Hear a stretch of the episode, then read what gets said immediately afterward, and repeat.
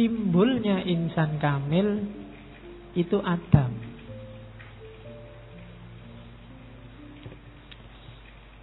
Ya, jadi kenapa Adam? Ya kalau ingin ngerti manusia yang original kan Adam. Adam itu di jasmaninya diciptakan dalam citra alam, rohaninya diciptakan dalam citra Tuhan. Kalau dalam bahasa lain Tuhan itu meringkas semua ciptaannya dalam manusia. Dalam dirimu ada alam semesta, ada malaikat, bahkan mungkin ada jin, ada setan. Bisa. Manusia bisa kayak setan, bisa kayak jin, bisa kayak malaikat, bisa kayak alam semesta. Kamu bisa kayak hewan, bisa kayak tumbuhan. Karena Allah meringkas semua ciptaannya dalam makhluk yang namanya manusia. Bahkan dirinya sendiri ditiupkan ke dalamnya. Jadi Itulah hakikatnya manusia. Oke. Dalam citranya itu seperti apa sih Pak? Wa Adam ala surotihi. Apa sih maksudnya manusia diciptakan dalam citra? Kamu kan bingung dengan kata-kata citra itu. SBY sukanya pencitraan. Terus siapa kalau ada orang yang kamu benci melakukan kebaikan kamu tuduh pencitraan. Apa sih janjani citra itu? Jadi yang dimaksud ala suratihi itu dalam diri manusia diberikan semua nama-nama Tuhan sebagai potensi karakternya semua nama Tuhan, sebut saja Asmaul Husna, itu dalam dirimu ada semua. Rohman, Rohim, bahkan Kholik, Musawir, Ra'uf, dan seterusnya itu. Kamu punya semua karakter itu. Pencipta manusia bisa banyak mencipta. Dia punya sifat namanya kreatif. Ya kan? Sampai lahir gelas, lahir teh, ini kan pencipta.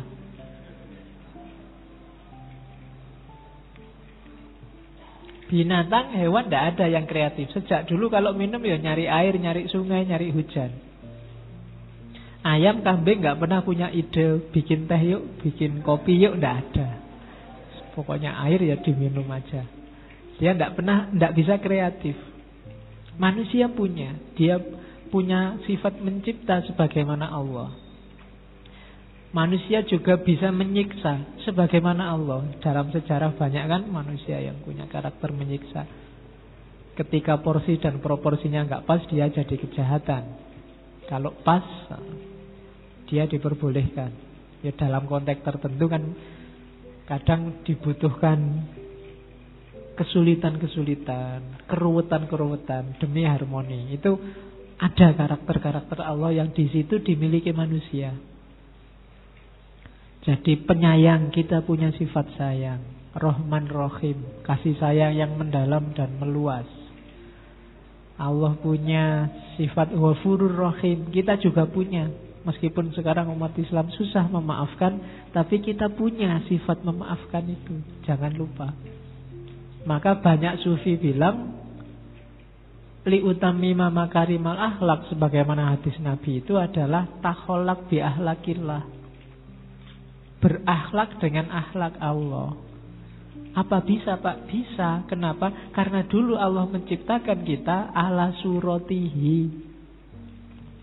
Sesuai gambarnya Allah. Gambarnya Allah itu ya mestinya bukan gambar fisik. Wong Allah bukan fisik. Gambaran batin. Gambaran mental, gambaran ruhani. Dan kalau itu mental dan ruhani kan ya nama-nama Allah minimal yang 99 itu kita punya.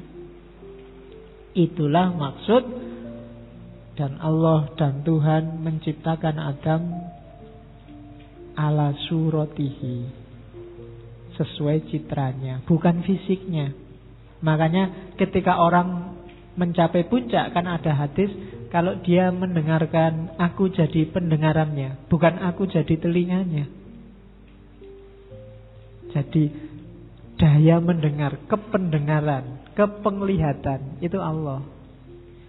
Mata ini ketika roh tidak ada, tidak ada gunanya.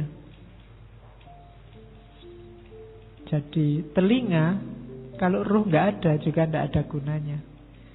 Dia kayak komputer tapi tidak ada softwarenya, nggak ada gunanya. Semahal apa pun komputermu, hardwaremu, kalau softwarenya nggak ada, tidak operatif. Secakep apa pun orang, kalau isinya nggak ada, ruhnya nggak ada, kamu lari. Kalau nggak percaya, cobalah. Berarti kuncinya apa? Keywordnya kita sebagai manusia itu ya suratu Adam, suratullah dalam diri Adam itu. Rohnya. Jasad itu cuma kendaraan kita. Materi itu cuma media. Dia alat, bukan tujuan. Jadi jasad itu memang dikasih Allah untuk mewujudkan tujuannya rohani. Bukan berarti Jasad itu tidak penting, ya penting. Karena kalau kita roh saja juga tidak bisa jadi khalifah. Makanya kita roh dan jasad. Jadi ala suratihi itu dalam diri kita terkumpul nama-namanya Allah. Makanya sebelum turun ke bumi kan ada cerita, ada ayat yang bilang wa allama adamal asma'a kullaha. Jadi untuk membangun citra Adam sebagai wakil Allah di muka bumi dalam diri Adam asma akullaha. Jangan diartikan alama itu terus Adam di depannya Allah terus Allah ceramah gini dam kan nggak gitu. Ya mestinya ya sama Allah langsung dikasihkan ke dalam diri Adam asma itu. Dari situlah nanti Adam menerjemahkannya dalam kehidupan. Jadi itu memang skenario nya Allah begitu. Karena itulah maka semua malaikat bahkan iblis disuruh sujud pada Adam. Karena dalam diri Adam ada kualitas Tuhan. Oke, makanya kalau iblisnya mau ngeyel, dadak debat, kan aku maunya hanya sujud pada Allah. Itu bisa dijawab, enggak, kamu enggak tak suruh sujud pada Adam yang tanah. Tapi kualitas Adam yang dalam dirinya ada nama-nama Allah. Yang semuanya harus tunduk pada keagungan nama-nama Allah. Jadi itu katanya Ibnu Arabi nanti simbolnya insan kamil itu Adam. Berarti insan kamil itu manusia yang kembali ke fitrahnya sebagai tajalinya Allah melalui nama-namanya. Berarti manusia paling sempurna adalah manusia yang berakhlak mulia. Bukan manusia yang semata-mata paling banyak ibadahnya. Ibadah yang tidak ngefek ke akhlak, tidak ada nilainya. Sholat yang tidak tanha anil fahsya wal mungkar tidak ada nilainya. Apalagi sholat dipakai sebagai jalan untuk bikin susah orang. Karena kamu bikin macet jalan. Ya, mulai ya kan. Jadi jadi aneh sekarang sholat kok baunya politik, sholat kok baunya. Dan sholat jadi jalan kemungkaran, tidak bisa. Haji itu jalan untuk egalitarian. Manusia diajari oleh Allah untuk merasa dirinya setara dengan yang lain. Itu lewat haji. Maka tidak boleh pulang haji kok malah merasa lebih tinggi dari yang lain. Karena dia sudah haji yang lain belum. Itu berarti pelajarannya gagal karena pelajaran haji adalah pelajaran egalitarianisme kalau zakat itu pelajaran taskiatul mal membersihkan harta. Targetnya apa? Jiwa yang tidak terikat, tidak jatuh cinta pada dunia, pada harta. Kalau kamu zakatnya utuh, zakat malnya, zakat fitrahnya beres, tapi jiwamu sangat terikat oleh duniamu, oleh hartamu, berarti targetnya zakat gagal. Visinya zakat gagal. Sama kayak kamu sholatnya lengkap, tapi curangnya juga lengkap, korupsinya juga lengkap. Itu sholat yang tidak ada gunanya. Ada sholat yang malah bikin kamu masuk neraka. Kalau surat Al-Ma'un itu kan Alladzina yuro'una Orang yang sholat tapi pamer. Tidak masuk surga malah Fawailul lil musallin. Kamu masuk neraka wail.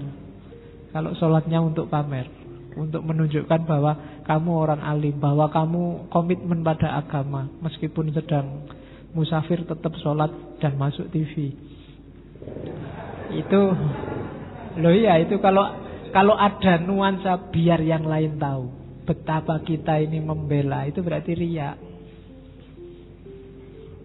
Jadi hati-hati menata hatinya ya. Oke, jadi bukan dilarang, cuma yo ya saling menjaga, saling mengingatkan. Oke ya, jadi itu insan kamil. Kuncinya ada pada akhlak. Taholak bi ahlakillah hidup dengan landasan asmanya. Nama-nama Allah. Oke. Terus. Nah, ini ada definisi yang berbeda kalau di Ibnu Arabi. Selama ini kita memahami khalifah itu Allah di sana, kita di sini, alam semesta di sini. Terus kita disuruh oleh Allah untuk ngopeni alam semesta. Itulah khalifah. Katanya Ibnu Arabi tidak begitu. Kalau modelnya Allah di sana, aku di sini, alam di sana, itu kan berarti aku yang hadir di alam, Allah tidak hadir, dia ada di sana.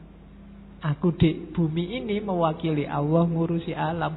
Padahal Allah itu kan ya selalu ada di sekitar kita terus. Ngapain butuh diwakili? Kalau maknanya khalifah itu diwakili kan harusnya Allah tidak ada sekarang. Kita yang mewakili jadi Allah sekarang di dunia ini. Maksudnya khalifah itu bukan di situ katanya Ibnu Arabi. Khalifah itu pengganti. Pengganti dalam arti apa? Kitalah yang paling mirip dengan Allah di antara semua makhluk lainnya. Jadi khalifatullah fil ardi adalah makhluk yang paling dekat karakternya dengan Allah di muka bumi. Maka ketika kamu nanti taholak bi ahlakillah, itulah jati dirimu yang sejati. Kalau kamu tidak melakukan itu di muka bumi, berarti kamu sedang mendistorsi hakikatmu sebagai manusia.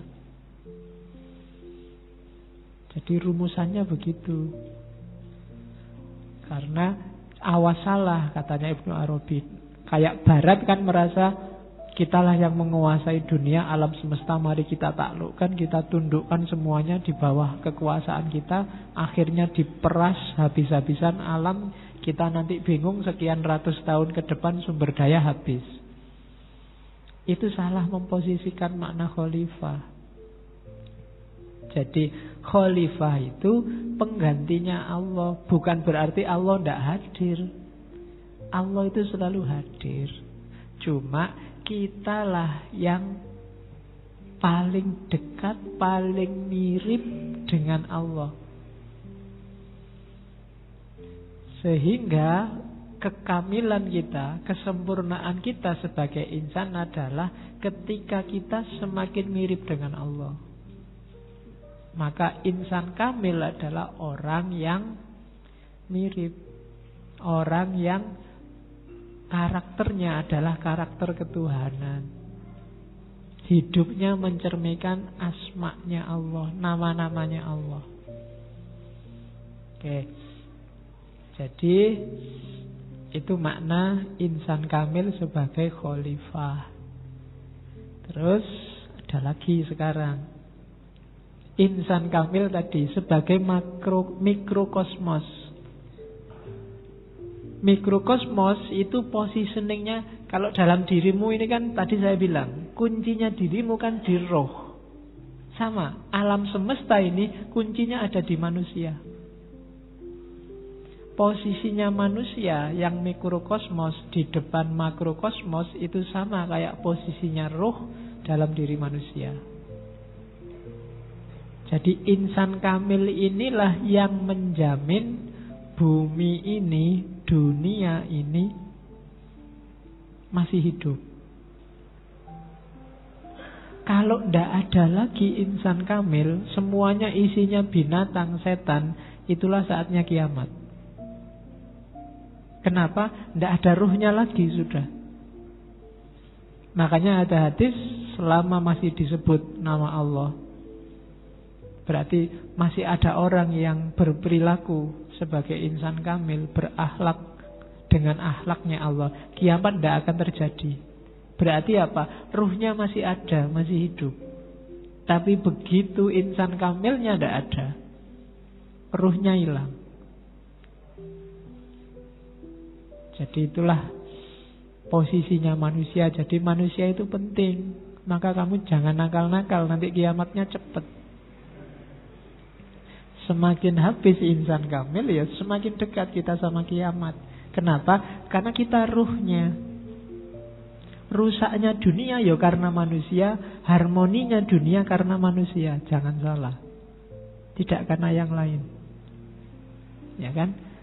Kenapa kok ozon robek? Kamu kan selalu menyalahkan ah, ini karena pemanasan global. Ya tidak, pemanasan global ya ujungnya manusia. Banyak bencana. Kalau dicermati nanti ujungnya ketemunya manusia lagi. Banjir pak sekarang. Ya mesti manusia. Kalau nggak percaya coba dicek. Ya kan? Jadi diri kita ternyata tidak mencerminkan asma Allah dalam banyak hal. Kenapa umat Islam kok susah ya diajak kebersihan? Kenapa susah diajak tertib? Kenapa susah diajak harmonis? Ya karena itu tadi. Kita melupakan hakikat keinsan kamilan kita. Jadi jadilah manusia yang sejati, yang utuh. Jadilah insan kamil biar umurnya dunia ini masih lama. Kalau enggak, begitu kita kehabisan stok insan kamil, yang tersisa berarti tinggal ya al-insan al-hayawan. Makanya ada hadis yang bilang generasi yang mengalami kiamat adalah sejelek-jeleknya generasi. Karena apa? Di era kiamat berarti sudah tidak ada lagi insan kamil. Tidak ada lagi orang yang dekat sama Allah. Tidak ada lagi yang mentasarufkan nama-nama Allah dalam kehidupannya. Jadi insan kamil itu khalifah dan sekaligus mikrokosmos. Dia cerminan citranya Allah di muka bumi dan dia kunci dari ketertiban dunia dan kehidupannya. Posisinya kayak roh di atas jasad. Dan alam semesta ini kan memang disediakan oleh Allah untuk manusia, untuk rohnya, untuk intinya. Maka kamu nggak perlu sungkan-sungkan. Pak saya mau membeli ayam pak, tapi kok kasihan ya. Tidak apa-apa kalau memang butuh itu. Tidak dosa, diperbolehkan sama Allah. Kamu korban ada yang boleh besar-besaran sapi, kambing, terus kamu wah ini pembantaian besar-besaran. Ya kalau memang diperlukan, dibutuhkan, tidak apa-apa.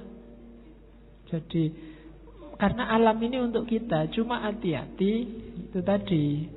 Jangan berlebihan juga jangan kekurangan. Berlebihan akibatnya harmoninya rusak.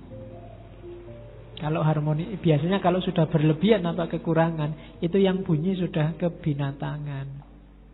Bukan lagi kekamilan.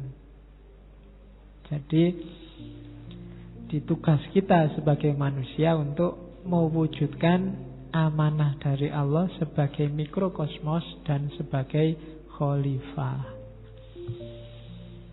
Terus kalau di futuhat diibaratkan manusia dan alam itu kayak apa ya? uh, alam ini kayak harta bendanya Allah. Manusia ini kayak segelnya. Kayak gemboknya atau stempelnya lah kalau hari ini. Jadi mutiaranya, nah, isinya alam semesta kalau itu dianggap mutiara, stempelnya yang menjaga barang ini, ini jadi kunci. Selama kuncinya ada, barangnya aman. Tapi kalau kuncinya nggak ada, habis. Itu kenapa begitu insan kamil tidak ada, kiamat. Sama kayak kamu punya peti, isinya barang-barang berharga, gemboknya hilang. Wassalam. Wong kadang-kadang gemboknya ada aja dicongkel. Apalagi gemboknya hilang. Dan insan kamil itu gemboknya ini tadi yang mengamankan. Dunia ini khazanahnya Allah, alam semesta khazanah Allah. Gembok ini kan mewakili kehadiran yang punya peti yang punya barang. Dengan adanya gembok, barangnya aman. Itulah kenapa manusia disebut khalifah. Jadi manusia jadi wakilnya Allah. Dengan adanya manusia yang mewakili Allah, alam semesta aman. Dengan adanya gemboknya yang mengamankan barang, isinya aman. Oke. Jadi itulah posisinya Adam di atas alam semesta. Posisinya manusia di atas alam semesta. Oke ya. Jadi jangan malah kontraproduktif. Kontraproduktif itu gemboknya malah ngerusak isinya. Itu yang banyak terjadi hari ini. Harusnya mengamankan malah merusak. Nah, itu manusia. Oke. Ya contohnya banyak. Tinggal kamu cari sekelilingmu. Yang harusnya bikin aman malah bikin kacau. Akibatnya apa? Ya rasakan sendiri.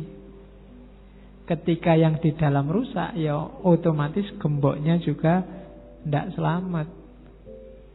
Kalau yang di dalam karatan, gemboknya juga akan ikut karatan. Jadi itu hubungan Adam sama alam semesta. Nah, jalannya sekarang. Tadi baru definisinya. Oke. Kita ngaji sak jam sudah anu ya. Ibnu Arabi nulisnya ratusan halaman. Futuhat itu 560 bab. Futuhat Makiyah. 6 pasal.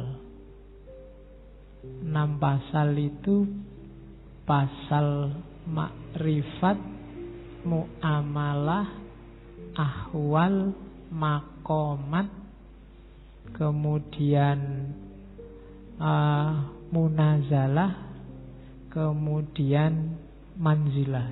6 manazil munazala ya enam. Jadi itu futuhat enam pasal. Ngapal ke pasalnya gampang cuma enam. Kamu ngapal ke babnya 560. Itu pening. Nanti kita cuplik satu bab di bagian akhir.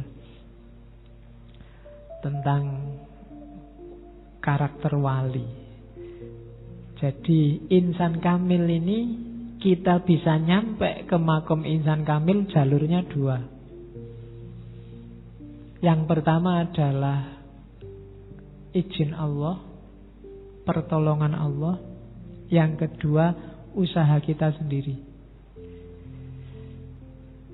Jadi kamu nyampe makom insan kamil itu bisa anugerah dari Allah.